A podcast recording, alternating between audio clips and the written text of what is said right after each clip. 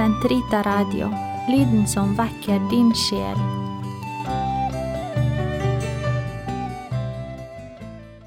En filippinsk pike skriver hjem. I riktige gamle dager var avisene stygge mot oss katolikker, og vi svarte med å være like stygge tilbake. I de siste årene har klimaet mellom media og oss blitt utrolig mye bedre. Men fortsatt kan det hende at det kommer et leserinnlegg som setter sinnene i kok. For noen år siden skildret en ikke altfor velmenende person overtroen som florerte på Filippinene, og mente at paven burde få ryddet opp i disse uhumskhetene. Selvfølgelig skjer det overtroiske ting på dette vakre øyriket, som i all verdens land for øvrig. Det ondsinnede ved innlegget var at enkelte overtramp ble generalisert som gjeldende for alle landets innbyggere. En smådjevel, eller var det kanskje min skytsengel, inspirerte meg til å forfatte følgende brev fra en filippinsk jente til sin mor der hjemme på Filippinene. Avisen Vårt Land var sporty nok til å trykke det. Kjære mor, nå har jeg bodd et halvt år i et lite land lengst nord i Europa som heter Norge. Nordmenn flest tilhører en kirke som er stiftet av tyskeren Martin Luther. Her til lands er den blandet opp med en masse overtro som de arvet fra hedenske barbarer som bodde i Norge for noen hundre år siden, vikinger. Veldig få nordmenn går i kirken på vanlige søndager, men julaften er gudshusene stappfulle. Straks de kommer hjem fra messen, bryter den hedenske naturreligionen gjennom den kristne ferniss. Da vandrer de som i ekstase rundt et tre og tilber det til langt på natt. Deretter spiser de en masse kaker som er formet som bukkene til den hedenske guden Thor og diverse fruktbarhetssymboler. Nordmenn flest drikker seg sørpe fulle i julenatten, men før de havner under bordet, kommer et underjordisk vesen på besøk. Nordmenn kaller ham julenissen og tror han bor oppe i fjellene. Foreldre forteller sine barn at alle gode ting kommer fra ham, prestene ser gjennom fingrene på denne synkretismen. De fleste tenåringer driver med åndemaning, spiritisme. Her søker de kontakt med forfedrene, ofte møter de djevelen og havner på psykiatrisk sykehus. Kristendommen ligger som en tynn overflate over den urnorske hedendommen. Folk flest er animister, de er sykelig opptatt av å komme seg ut i naturen for å tilbe guddommen i skog, fjell, trær og blomster. Der oppe er katedralen min, sa en halvfull nordmann til meg og viftet mot fjellene. Og jeg kan love deg at der er det høyt under kuppelen, vrøvlet han videre. Nordmenn flest tror på et liv etter døden, men ikke på en himmel som vi kristne. De tror sjelen vandrer fra kropp til kropp i det uendelige, som i India hvis folk her i landet blir syke, er det sjelden de går til lege. De oppsøker heller en heksedoktor som angivelig helbreder dem med bitte små narrepiller, magneter eller kiling under fotsålen, nåler de stikker i ørene som i Kina. Noen tror det er mye lettere å slanke seg hvis de tilber Jesus i ny og ne. Det er nettopp blitt skrevet en bok om dette. Da jeg skulle ta en båttur langs kysten, fant jeg ingen lugar med nummer 13, en matros fortalte meg smilende at nordmenn betrakter 13 som et ondt tall. Latterlige er også alle disse maskottene som henger i bilene og er trafikkfarlige. Ingen nordmann våger å kjøre på veier og i gater uten slike amuletter. For noen uker siden var det en venninne som tok meg med til en norsk messe, den underligste jeg noensinne har opplevd. Folk falt om på gulvet og lo hysterisk i et kjør. Jeg synes det var helt uhyggelig, jeg, mor. Var det ikke slik det foregikk hos våre hedenske forfedre på Filippinene, langt inne i urskogen, i helt usiviliserte strøk av landet? Og om bare paven kunne oppholde seg her i landet noen uker, da ville han sikkert ha ryddet opp i all denne hedenske overtroen. Jeg lengter tilbake til Filippinene, mor. På gjensyn om noen uker. Din prikk, prikk, prikk. Folk flest vil ta dette oppdiktede brevet ille opp, og med rette. For her ikke bare mistolkes, men generaliseres fenomener som vitterlig forekommer. Skal vi da undre oss over at våre filippinske innflyttere ble dypt såret da de leste en lignende generaliserende reportasje i Vårt Land om Filippinene.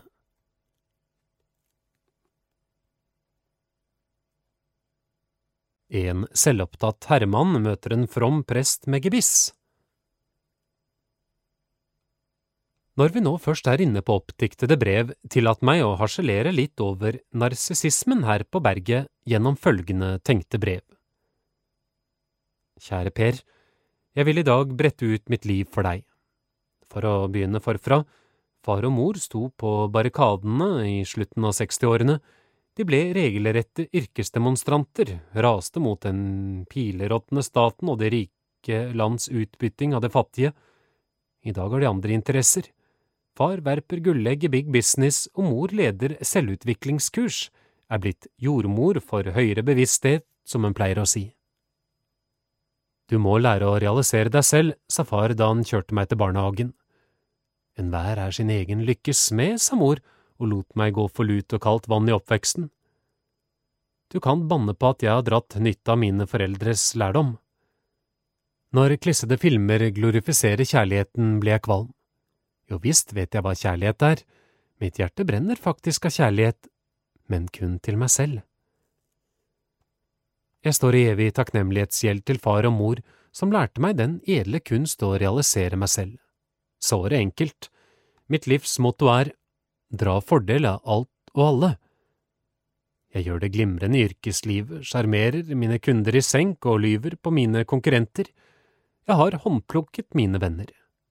Beholder dem som smigrer mitt ego, vraker dem som forventer noe av meg.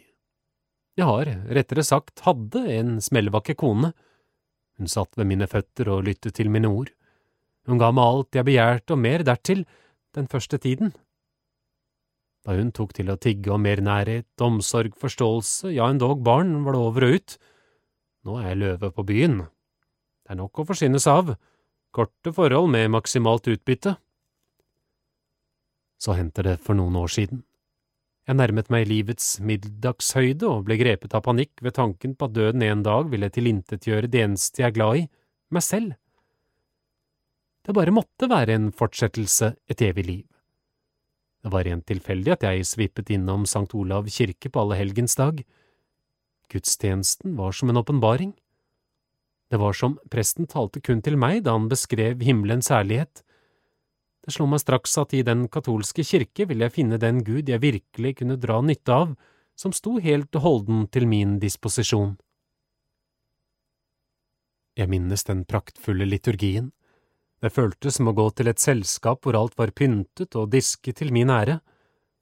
Blomsterdekorasjonene talte til min estetiske sans, duften av røkelse ga meg en forsmak på den syvende himmel, den gregorianske sang vugget mitt opprørte sinn til salig ro. Egentlig var det ingen gudstjeneste jeg opplevde, det var Gud som gjennom sin kirke tjente meg. Jeg ville konvertere på flyende flekken Konvertittundervisningen som foregikk i en gruppe, var et fryktelig tilbakeslag. Presten var tvers igjennom ufordragelig med alt sitt prat. Vel kan jeg tilgi ham det schizofrene tåkepratet om en tredelt gud. Det jeg ikke kan tilgi ham, er at han lot det gå uker og måneder før han nevnte de fordeler jeg vil ha av å konvertere. Det var jo det eneste som interesserte meg. Bruddet kom den dagen han doserte om Vestens subjektivisme kontra katolsk objektivisme. Jeg skal prøve å gjengi hans ord så langt jeg husker. I middelalderen sto Gud i sentrum for den menneskelige bevissthet. De kristne holdt seg trofast til englenes sang over Betlehems marker. Ære være Gud det høyeste og fred på jorden for alle dem Hans nåde hviler over. De troende den gang la vekt på ordenes rekkefølge. Først kommer Guds ære, så vår fred. Vi er skapt for å tjene, ære, elske Gud. Gjør vi det, vil også vi, men i annen rekke, motta Hans fred og glede.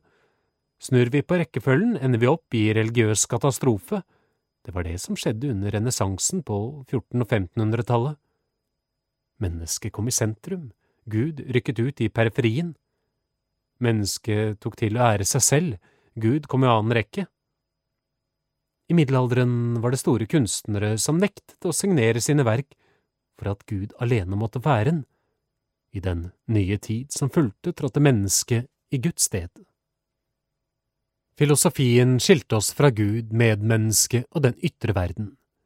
Subjektivismen ble enerådende på alle bauger og kanter, den har også smittet religion og fromhetsliv. Er dere klar over at når dere kommer til kirken, er det for å tjene Gud? Målet er ikke å svømme i salige følelser, men å tjene Herren. Er dere klar over at hellige bilder, statuer, lys, røkelse, sang og orgelbrus har som primær hensikt å ære Gud? Har dere forstått at det primære målet med misjonen er at Gud blir æret og tilbedt av et økende antall kristne? Sjelenes frelse følger som god nummer to. I bønnelivet skal dere være klar over at Gud i korte eller lengre perioder trekker alle følelser av nærvær bort fra oss for å trene oss opp til å be for Hans skyld, ikke bare til egen fordel. Å konvertere til katolisismen er å starte en helomvending fra moderne subjektivisme til katolsk objektivisme. Skadet som vi alle er av jeg-syke, blir det for de fleste konvertitter en livslang prosess. Jeg har sjelden hørt så mye ullen svada i mitt liv. Jeg var rasende. Hva hadde dette med selvrealisering å gjøre? Prestefyren ymtet faktisk noe om å finne seg selv ved å miste seg selv. Forstå det den som kan. Jeg fortsatte å gå i kirken noen søndager, men også her kom skuffelsene på løpende bånd. Hvorfor skal nå foreldre på død og liv trekke med seg unger i kirken? De forstyrrer min helt private bønn, snørrunger i benkene foran og bak irriterer meg grenseløst, og så den aldrende presten. Han har visst nylig fått seg gebiss, det hopper og danser i munnen når han preker. Og så den gamle damen som kneler like foran meg. Hun er visst uvitende om at det er noe som heter deodorant. Verst er det med denne haug av utlendinger som sender skyer av hvitløk til sine omgivelser. Hvordan i all verden skal man kunne realisere seg selv i inderlig bønn blant usiviliserte barbarer? De har jo ikke engang lært å snakke godt norsk.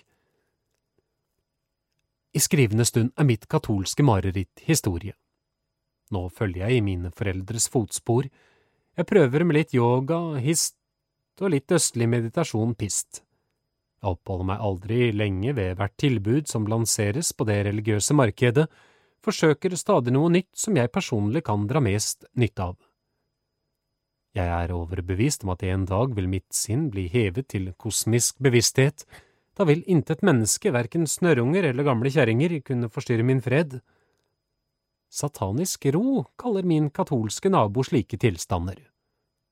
Stakkars mann, han vet ikke hva han taler om. Svært så interessant er det å delta på selvutviklingskurs. Litt mer dynamikk i salen, skriker den selvutnevnte lederen som har studert psykologi et semester. Jeg henvender meg til en liten spissmus av et kvinnemenneske ved enden av bordet, vrenger henne ut og inn, psykologiserer henne til fortvilelse, knekker siste rest av selvtillit i hennes forpinte sinn. Snørr og tårer renner. Ja, nå endelig er det kommet bevegelse i gruppa, sier lederen fornøyd. Å, det er deilig å realisere seg selv. I den siste tiden har jeg begynt å tro på reinkarnasjon. Min reader kan fortelle meg at jeg var en betydningsfull person i tidligere liv. Jeg har vært en kjent politiker, en stor malende kunstner, en søkkrik oljesjeik. Mitt karma er snart utbrent, sier min helt personlige guru. Store ting venter meg i neste liv. Synes jeg har fortjent det etter alt strevet med å realisere meg selv. Lenge leve mitt svulmende ego. Vennlig hilsen Ola. Katolsk OL-brev til Vår Herre, med svarbrev fra Gud. Også katolikker kan skrive brev. Her er ett sendt til himmels under OL på Lillehammer. Kjære Gud, du som er så snill, hvorfor forspilte du alle gode sjanser under OL? Den gang kunne du i et blunk gjort hele verden katolsk i hodet, men du nektet blendt. Jeg ga deg noen gode tips, du hørte ikke på meg. Jeg ba deg mobilisere alle sportsinteresserte skytsengler til støtte for katolske deltakere. Du vendte det døve øret til. En katolsk skihopper tror han var polsk, som fromt slo korsets tegn før han satt utfor, lot hun dog ramle i unnarennet. For en skam for vår kirke! Lente du hodet mot en sky da, Gud, og sov? Enn om du i stedet hadde latt en basunengel blåse litt himmelsk luft under skiene så han svevet over bakken og tok nedslaget på flata? Titusener av tilskuere og én milliard TV-tittere ville ikke ha trodd sine egne øyne. Sportsjournalistene ville ha strømmet til og spurt som vanvittige, oppskriften, oppskriften, hvem snekret mirakelskiene? Er du vegetarianer? Har du lært av Østens mennesker å levitere? Driver du med aerobikk? Den seiersbevisste vinner ville ha rettet blikket mot himmelen og sagt, Oppskriften er min tro, jeg er katolikk. Slik kunne du gjort jobben din greit og effektivt, Gud, men du lå på ladesiden og sviktet din kirke. Og hvor var du under femmila? Den eneste katolske deltakeren ble jumbo. Kunne du ikke ha sendt en av dine kiruber til hjelp, helst en av disse sverdsvingerne som vokter porten til det tapte paradis? Ryktet forteller at de skal være kjempesterke, så kunne den gode engel for hvert stavtak gitt vår katolske favoritt et puff i baken så han for som et olja lyn fremover i løypa havnet suverent på førsteplass, én time foran Smirnov og Dæhlie. Et hylekor fra media, oppskriften, oppskriften. Svaret kommer ydmykt, jeg er katolikk. Resultatet? Hver sportsidiot i Norges land ville ha konvertert, men du lot oss i stikken, Gud. Slukøret bilte jeg fra OL-byen og hjem til min lille menighet i en by ved hav, hvor folk flest har liten sans for moderkirkens fortreffelighet. Skuffet hilsen broder Olav. Guds svarbrev Kjære broder Olav. Da jeg leste ditt brev, ble jeg ille til mote. Kunne du ikke det minste vært litt mer økumenisk? Vi har da flotte kristne også på den andre siden av konfesjonsgrensen enn om du hadde unt også dem litt mirakuløs hjelp. Men dette kommer i annen rekke. Det er hele din grunninnstilling som er riv ruskende gal. Har en av fastetidens evangelietekster gått deg hus forbi? Har du helt glemt hva som hendte da Satan fristet Jesus med en gedigen sportsprestasjon da han sto der høyt oppe på tempelets tinn? Men Jesus motsto fristelsen. Han ville ikke bæres på englevinger i løse luften, for så å havne på bakken med perfekt nedslag. Nei, slike trønderske bajastreker vil jeg ha meg frabedt, skal han ha sagt, ifølge en litt usikker kilde. For å si det litt brutalt, broder Olav, jeg ønsker ingen religiøs voldtekt under en olympiade. Det er meg en avskyelig tanke at noen skulle tvinges til troen ved religiøse sportsprestasjoner, bare de som søker og elsker sannheten, finner meg, og det kan ta lang tid. Om jeg sov under olympiaden, din tulling, hele englehæren var i frenetisk aktivitet under lekene. Er du blind, broder Olav? Så du ikke den oppriktige gleden blant tilskuerne? Den kom fra oss. Så du ikke hvor hjelpsomme folk var mot hverandre i den bitende kulden? La du ikke merke til at folk heiet nesten like mye på taperne som på vinnerne, og ofte like mye på fienden som på Norges egne helter? Er du klar over at fyllearresten i OL-byen var tom under lekene, og at knapt en eneste nordmann fyllevrøvlet i gågaten mens lekene sto på? Dine dumme ønsker om guddommelig sportslig bistand jeg bare ledd av og lengst tilgitt. Kun en eneste gang har min skare av engler kapitulert for norsk-norsk lokalpatruisme. Det var den gang den fatale skistaven til Oddvar Brå brakk like før mål. Jo, sant skal sies, da kom vi ham til hjelp.